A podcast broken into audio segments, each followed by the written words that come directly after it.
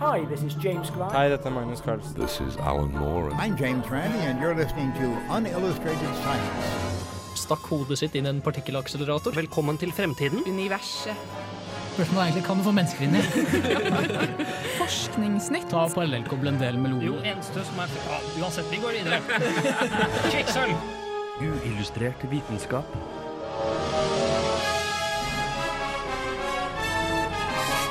Science, it works, bitches. Uillustrert er tilbake på lufta, og denne gangen står kriminalteknikk på tapetet. Du vil bl.a. få høre om løgndetektorer, genetiske fingeravtrykk og andre spennende teknologier innenfor feltet. Og I tillegg tar vi turen til romkappløpet for å nå planeten Mars. Ja, hallo og hjertelig velkommen til en ny sending i Uillustrert vitenskap. Mitt navn er Andreas Haugland, og jeg skal lede dere gjennom eh, denne sendingen her. Med meg i studio i dag har jeg mine eminente Andreaser, Hei, hei. Hei, hei. og jeg har Martin. Hallo. Ja, har det skjedd noe kult siden sist? Absolutt Eh, ingenting. Jo, eh, jeg lærte nettopp at selv om Saudi-Arabia er kjent for kameler, så importerer de eh, kamelene sine fra Australia. Eh, det sa Andreas eh, rett før sending. Det var veldig spennende Det var veldig Kult. spennende. Ja. Ja. Ja. Så jeg tenkte at det var så bra at det måtte bare være på Det måtte være på lufta. var- Men uh, hvilken Andreas, det får du vite i neste episode. For vi skal videre til første låt i denne sendingen, som er Use Your Mind av artisten Mind Design. Hi, this is James Grime from Numberphile, and this is Unillustrated Science. La oss si at du i en hypotetisk situasjon blir hentet ut av huset ditt midt på natten, omringet av blålys, lyskastere og pressekorps. Dette skulle jo ikke skje. Du var jo kledd i svart, og du hadde hansker på. Et problem med planen din var vel kanskje at nabohuset ikke var det lureste målet for dine kriminelle eskapader. Nå var det kanskje heller ikke så lurt å kjøre manbun, tømrerskjegg og en mild forkjølelse samme kvelden. Det er med andre ord en stor sjanse for at du etterlot nok DNA til å fylle et badekar. Noe som er litt dumt, siden et klart genetisk fingeravtrykk trenger bare nok blod eller spytt eller mannejus til å vete en q-tip. I tillegg kan hår og tenner gi en indikasjon på skyld eller uskyld. Når en prøve har blitt tatt, blir den tatt med til laben der en DNA-profil blir opprettet. Den blir opprettet ved at DNA-en blir hentet ut fra prøven og delt opp i små deler. Elektroforese, altså elektrisk ladde partikler, separerer delene. De blir lagt på en agarplate, og spesifikke DNA-biter bindes til en radioaktiv DNA-probe. Til slutt vaskes overflødig materiale vekk fra agarplaten, og røntgen blir brukt til å detektere et radioaktivt mønster. Dette kan nå sammenlignes med andre DNA-prøver. Så om du nå sitter i ensomhet og spiller munnspill i takt med kaffekoppen som dunkes mot stålgitter i nabocellen, kan du trøste deg med at din kriminelle karriere, uansett var, på hengende håret. Vent, vent, vent, jeg har en bedre en. Man kan jo si at det kanskje hadde vært lettere å bare spytte ut.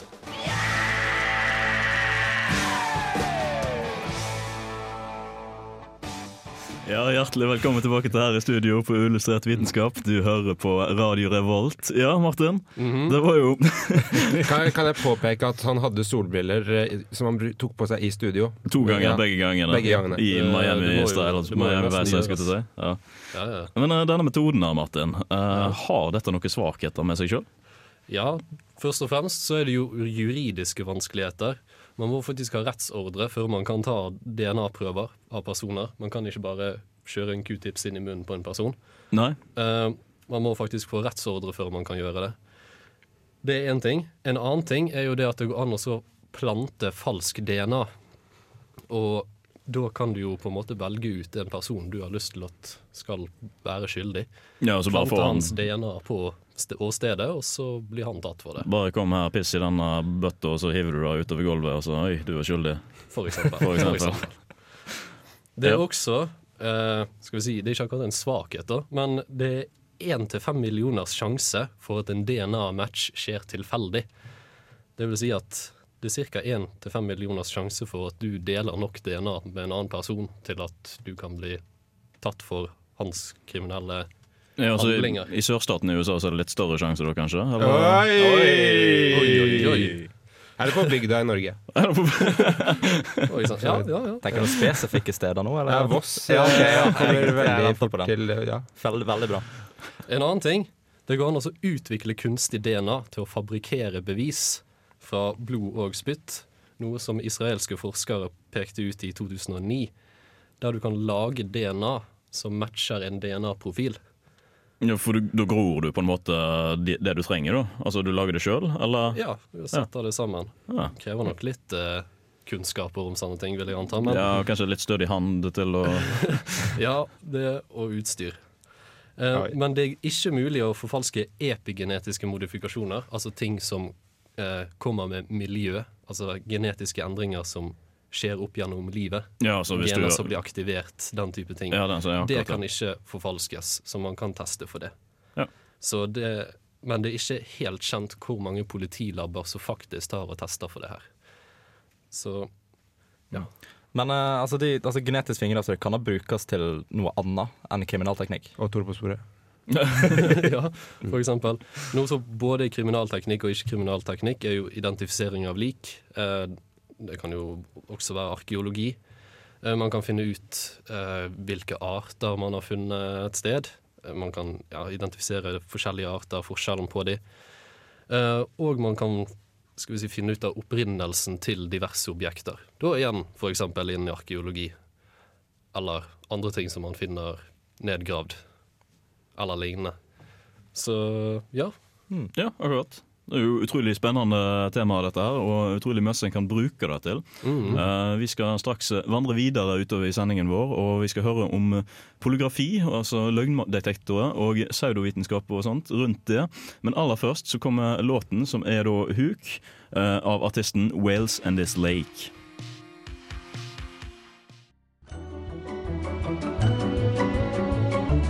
Du hører på uillustrert vitenskap på Radio Revolt. Nå med alle Andreasene du trenger, pluss to til.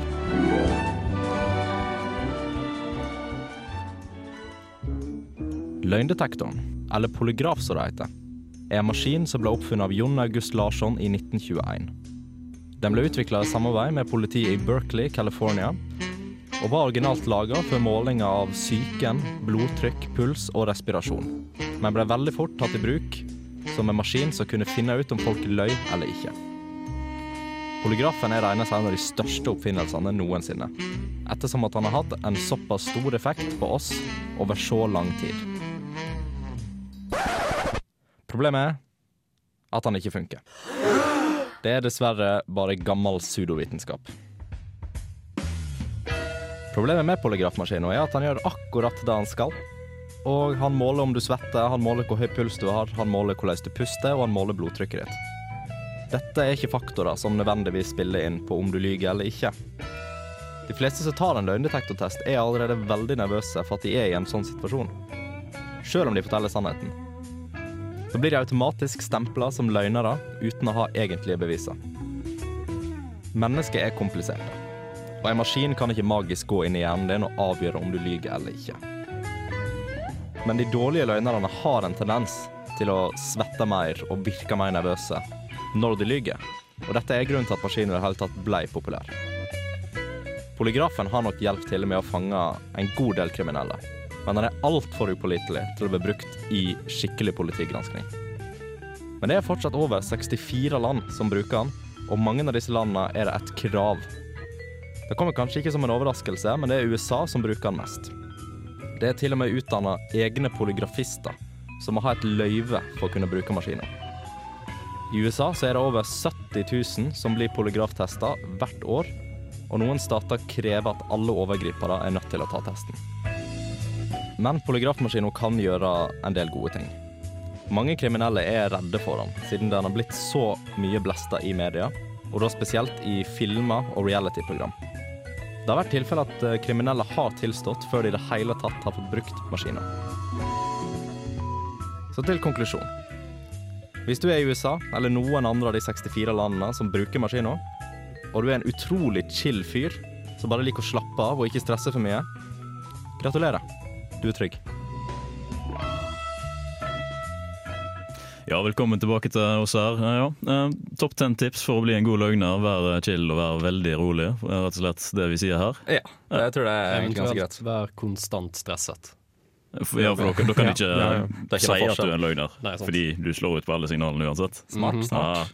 Veldig bra. Men eh, altså, det jo 64 land, var det? Var det? Stemmer. Stemmer. Og USA er jo selvsagt eh, on the top. Der. Yeah. Eh, hvordan er det med Norge og løgndetektor? Er det noe som er stort eh, brukt her?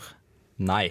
Og Nei. takk Gud for det. Um, Norge, eller frem til 1996, så hadde man lov til å legge frem bevis i rettssaker uh, med løgndetektor, uh, den utskriften. da. Ja. Men det ble bannlyst i 1996. Det var noen som fant ut at det var tull? rett og slett? Ja, det var noen som fant ut at dette er pseudovitenskap. Ja. Fuck it. uh, men eneste tilfelle der man på en måte bruker den i Norge, er hvis man skal ha en sikkerhetsklarering når man skal dra til, eh, til USA på altså oppdra militære ting. Da. da må man i noen tilfeller ta, da, ta en løgndetektortest, men da er det på en måte fra USA sitt initiativ. Da. Ja, ok, akkurat det. Så de stoler blindt på det, for å si det sånn. Ja, ja, ja. Det er litt artig. Men da, det er i hvert fall det jeg har lest om eh, på nettet, da, det er at i USA så mange kriminelle har egne kurs i det å liksom slå en løgndetektortest. Altså liksom senk hjerterytmen, eh, unngå å svette, ha på deg lette klær og sånne ting. Det er egne, egne kurs, egne betalte kurs. Teknakurs i å, unngå, i å komme rundt en løgndetektor. Yeah. Yogakurs for kriminelle. Ja, det er litt artig, syns jeg. Ja. Um, og faktisk i 1960, uh, det var vel ca. 40, nei, 20, 40 år etter løgndetektoren ble oppfunnet. Det var en sånn moderne, De moderniserte jo teknologien hele tida. Og da var det noen som uh, fant ut at de skulle teste løgndetektoren på en plante. Og den slo ut? Den slo ut, og da kommer han med, Jeg Kom konklusjonen 'planter har følelser'. Det kan jeg Ah. faktisk huske. Jeg kan huske at det var en greie. Var du så gammel, da? Nei, nei, men altså, jeg kan huske at det har vært en greie i, i min levetid òg. Og det ble tatt opp igjen en eller annen gang. At du må, måtte teste løgndetektor på planter på nytt for å finne ut at de har følelser? Eller? Ja, det var noe med at de tok eh, en plante, og så drepte de en plante rett foran den andre planten. Og så koblet de den til en sånn løgndetektor. Denne sak. Og da var det utslag kun når plantemorderen var i rommet. Var i hvert fall det jeg husker fra det der. Jeg var ganske ung, så det kan hende det var rett og slett bare Kan hende det var pseudovitenskap. Kan Ja, det, det kan ha vært en film, for alt jeg vet. Ja, nei, um, vi skal nå uh, faktisk få høre litt om kule teknologier. Har du noe Yeah. spesielt der? Ja, jeg har masse forskjellig fingeravtrykkteknologi, altså karbon-12-datering innenfor eh, eh, kriminalteknikk, og en metode som heter Light Amplification by Stimulated Emission of Radiation Ablation Inductively Coupled mass, Plasma Mass Spectrometry. Ja, den, ja. ja. Alle vet jo hva det er. Ja, klart det. Det skal dere lyttere få lov til å høre mer om etter denne låten her, som er da 'Birthday' av Pompoko. Du hører på Uillustrert vitenskap her på Radio Revolt. Jeg er Aksel Tidemann. Jeg jobber som forsker på kunstig intelligens ved Telenor Research, og du hører på uillustrert vitenskap. Takk til Aksel Tidemann. Ja, Andreas?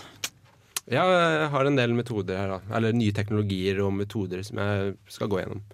Eh, den ene er at karbon-12-datering. Det, har- det har blitt brukt veldig mye i arkeologi. Ja. Og det går ut på at eh, det fins karbon-12, som er en radioaktiv form for karbon i, i atmosfæren. Eh, og når en organisme dør, så slutter han å få tilført ny karbon-12 til systemet, og da begynner den å ja, da begynner halveringstida å gått ut. Så ut ifra hvor mye karbon-12 som er igjen, så kan du finne ut hvor lenge organismen har levd. Ja, og det er jo noe som er felles for alle ting som tar opp da, karbon-12. Mm. Ja. Og dette kan bli brukt for uh, organismer mellom 50, 500 til uh, 50 000 år tilbake. Levende organismer. Ja. Men uh, det som har skjedd da, siden, siden da, siden 50 000 år siden, det er at eh, vi mennesker vi likte å teste litt atombomber. eh, og det har gjort, hatt såpass stor effekt på atmosfæren at eh, mellom 1955 og 1963 så ble mengden karbon-12 i atmosfæren nesten dobla. Så selv om man vanligvis ikke kan se forskjellen i karbon-12-nivået over såpass korte perioder, Mm. så har dette gjort at vi nå kan bruke dette på mennesker. Så hvis du f.eks. finner et lik som du ikke klarer å identifisere For det har du ikke kunnet tidligere? På grunn av Nei. Nei, ok. Ja. Men nå kan du bruke karbon-12-datering til å finne ut når dette liket ble født, og ja, når det døde, hvis du trenger det. Mm. Det er en ny, ny greie. Veldig fancy. Den neste episode, eh, metoden kalles LAICP-MS. Det var den laser... Ja. Uh, han, han, det står for Laser Ablation Inductively Coupled Plasma Mass Spectrometry. Yes. Og så må man også huske at laser står for Light Amplification by Stimulated Emission of Radiation. Så det blir på en måte Si sammensatt til et veldig Light Amplification by Stimulated Emission of Radiation Ablation Inductively Coupled Plasma Mass Spectrometry. Veldig bra. Men eh, glass da, det er generelt en ganske god beviskilde i sånn etterforskning. Eh, fordi man kan annet bruke glass til å Hvis man putter sammen biter av glass som er knust, så kan man ofte bruke det til å finne en del informasjon om uh, hvordan, hvilken vei en kule har tatt inn i glasset og alt sånt. Ja. Og så uh, setter veldig ofte glass, små glassbiter seg i tøy på gjerningsmenn. Mm. Sånn at hvis du finner små biter av glass i tøyet sitt, så kan du anta at de har vært i nærheten av det vinduet. Uh, det denne maskinen her gjør, eller den metoden her gjør, da, det er at han bryter ned glasset til atomisk nivå. Hvor han, og ser da på atomstrukturen og krystallstrukturen som bygger opp glasset. Eh, og da kan han matche bevisglass eh, som er funnet på en person, med glasset fra det vinduet. Mm. Fordi når du ser på det så nærme, så vil hver eneste rute liksom være forskjellig, da. Det er veldig interessant. Absolutt, absolutt. Og så er det noe vi kaller high speed ballistic photography. Så det er, det er egentlig bare å filme en pistolkule i veldig sakte hastighet. Ja, og så tar du eh, modellerer da, med impact, på en måte? Ja, og så finner du ut uh, hvilken vei kulen kan ha tatt, og Ja. ut ifra åssen sår kulen lager og alt sånt. Ja. Eh, håndskrift har også, har også blitt brukt en del eh, i forskjellig etterforskning. Altså, det finnes jo forfalskning av håndskrift og alt det der. Og til det så har vi hatt eksperter som er utrolig gode på å se små ting med håndskrift, som Ja. gjør at de kan se om ting er forfalska, siden alle har Akkurat som alle har sin egen eh, fingeravtrykk, så har alle sin egen håndskrift også. Eh, det denne maskinen her gjør, da, som heter Vid- Video Spectral Comparator 2000, det er at han bruker infrarødt lys til å se på se eh, skrift som ikke kan ses med det blotte øyet. Så han kan annet se eh, Hvis du begynner å skrive på det første arket i en bok, Ja. så kan han se kanskje sånn 50 sider lenger nede hva du har skrevet Ja, ved trykket. ser gjennom trykket, ja. Ja, akkurat det. Og han kan også se på uh, ark som har blitt skada av uh, vann eller eh, brann. Så, Så- ja, så hvis, til, og hvis du har viska helt perfekt, skrevet svakt og viska helt perfekt, Ja. så ser du da mange sider under. Så veldig mye sånn bevissletting og sånn, da kan du overgå. Mm. Og det kan også brukes til andre ting. Altså hvis eh, man rett og slett søler vann på øvinga, Skal man ta det en sånn Gjenoppretting. Jeg pleide å skrive øvingene mine alltid med sånne de der, de der fine tusjene som man får i sånn ti forskjellige farger på Akademika. Ja. Men det der er sykt vannløselig. Så hver en gang jeg sølte et glass vann på øvinga mi, og bare hele All teksten bare spredde seg utover. og Det gjør han på nytt. Det er det verste jeg har vært igjennom. Men ja, nå kan vi få øvingen, den øvingen tilbake, da, med den teknologien. Håper jeg. Håper det. Kan Mm. eh, nesten ikke skylde på at hunden har spist leksa di heller. Ja. eh, så er det fingeravtrykkteknologi. Jeg har ikke tenkt å snakke så veldig mye om hva det inngår, siden alle har jo hørt om det før. Ja, det er jo den klassiske ta, sjekke og sammenligne Mm. fingerprint, rett og slett. Men eh, eh, den nye teknologien vi har fått i den siste perioden da, om fingeravtrykk, det er metoden til at vi trenger ikke å se hele fingeravtrykket, vi kan bare se eh, deler av det, og så på en måte pusle det sammen da, til vi finner ut et helt et. Ja. Og så er det masse ny teknologi for å finne fingeravtrykka der de ikke er like synlige. Men eh, den nye teknologien som har kommet i år, da, det er at vi har fått evnen til å se forskjellen på fingeravtrykket om det er en mann eller dame. Fordi en eh, kvinne vil ha dobbelt så høyt nivå av eh, aminosyrer i svetten sin enn en mann. Men da vil ikke det bli litt grann, um, avhengig av hvor lenge fingertrykket har vært? Da vil ikke det um, på en måte gå tapt med vær og vind? Ja, sikkert litt, da, men eh, jeg har ikke Jeg vet ikke så mye om Nei. det. Men eh, jeg vet i hvert fall at hvis du finner et skikkelig ferskt og fint fingeravtrykk, så skal du kunne finne ut om det er mann eller dame. Ja. Uh, og det var egentlig alt jeg hadde. Ja, nei, da, eh, Vi skal videre i sendingen, og vi skal høre nå om hva Elon Musk og SpaceX har funnet på i det siste. Det, um, hva var det? For en tre-fire dager siden så var det en livepresentasjon som de holdt om Marsferd og planene fram til 2025. Eh, her er neste låt, som er da sensasjonell av Mats Dog.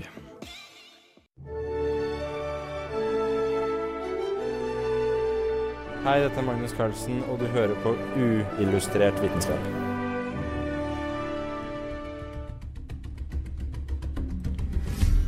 september holdt Elon Musk grunnleggeren av Tesla, SpaceX og PayPal, en presentasjon som ble livestreamet, der han la fram SpaceX sin plan for bemanna romfart til Mars innen 2025.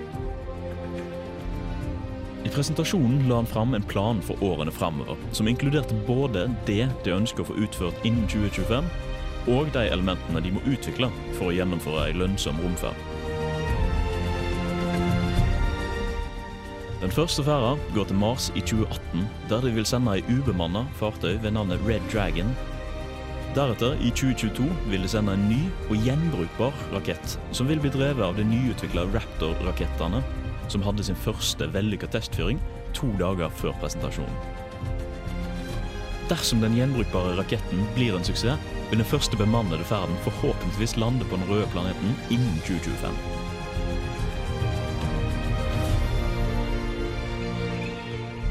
Utfordringene for alt dette er i første omgang ikke gjenbrukbare raketter. For det er nokså SpaceX har jobba med kontinuerlig de siste årene, så teknologien er kommet langt der sammenlignet på mange andre punkter. Utfordringen er den utrolig høye prisen det vil koste å sende mennesker til å bo på Mars.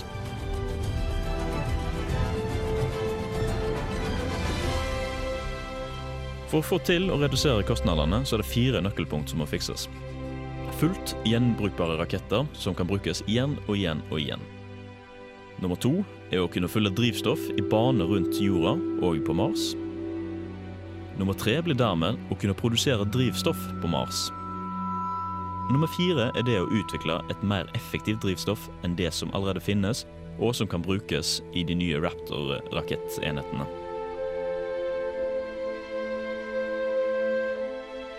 Dersom vi ikke får til å fylle drivstoff i bane rundt eh, planetene, vil vi måtte ha en trestegsrakett på fem til ti ganger størrelsen og kostnaden av det de rakettene som de ser for seg å utvikle.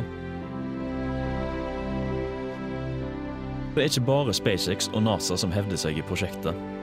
Andre byråer som Chinese National Space Agency samt eh, det private Mars One, aktører som allerede er sterkt involvert i kappløpet om å nå Mars med bemannede fartøyer, men det kanskje aller beste med presentasjonen er at Elon Musk sjøl gikk gjennom teknologien som skal brukes i raketten, steg for steg, og det ble statert at det viktigste med prosjektet var at det måtte være et samarbeid mellom det offentlige og private. For ett selskap alene kan ikke bære vekta av alle framstegene sjøl. Det er et stort behov for en snøballeffekt som drar med seg flere og flere investorer og regjeringer etter hvert for å gjennomføre kolonialiseringen. Når dette er sagt, har det amerikanske senatet omsider fått opp lommeboka si og budsjettert 19,3 milliarder dollar til NASA det neste året, samt 19,5 milliarder dollar øremerka til utforsking og sending av bemannede ferder til Mars innen de neste 25 årene. Når det store spørsmålet om når rakettene skal skytes opp, nærmer seg så masse, er det bare snakk om tid før vi får en vinner av det store romkappløpet til den lille røde planeten, nummer fire ifra sola. Hjertelig velkommen tilbake til oss her i studio. Du hører på Uillustrert vitenskap på Radio Revolt.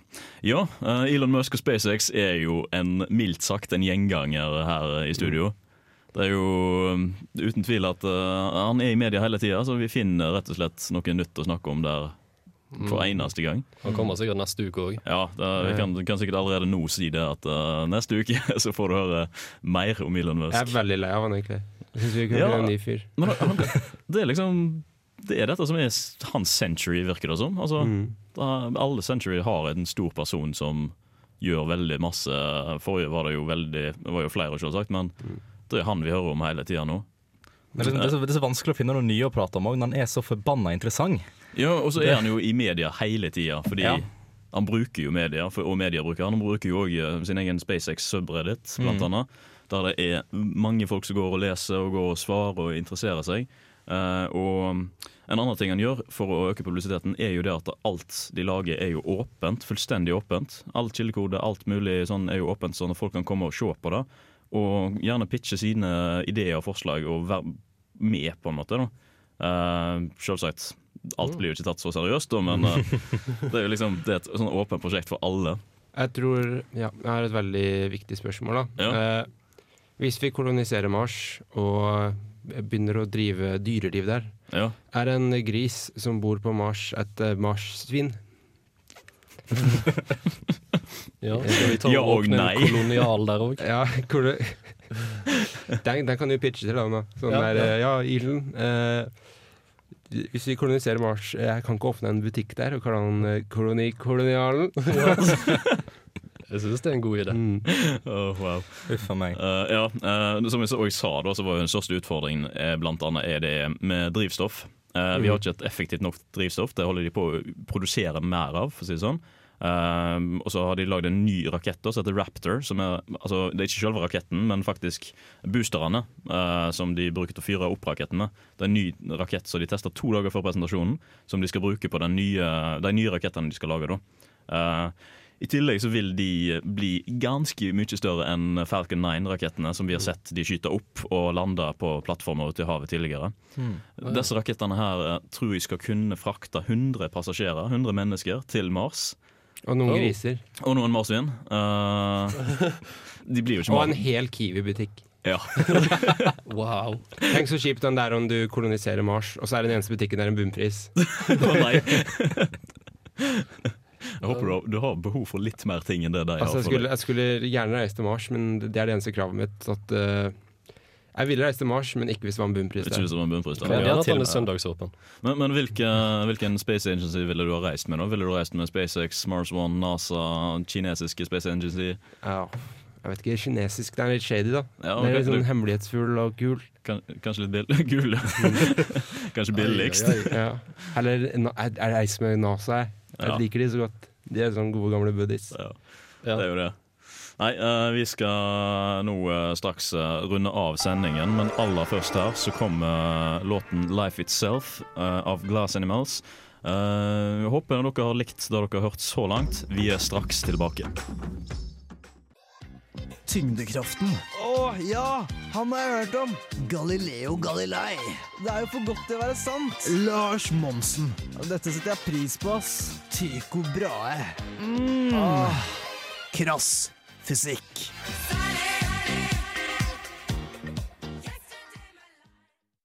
Ja, det, det er dags for å runde av. Det, det dukket opp en fun fact eh, til her. Ja, gjør den ikke det? Det gjorde det. Jeg tror kanskje jeg gjorde Endre, det. Endre hadde en fun fact til, så uh, fun og fun. Men alle all kamelene på Mars er importert fra Australia. Wow! Vi har gått full circle her i Ulysert.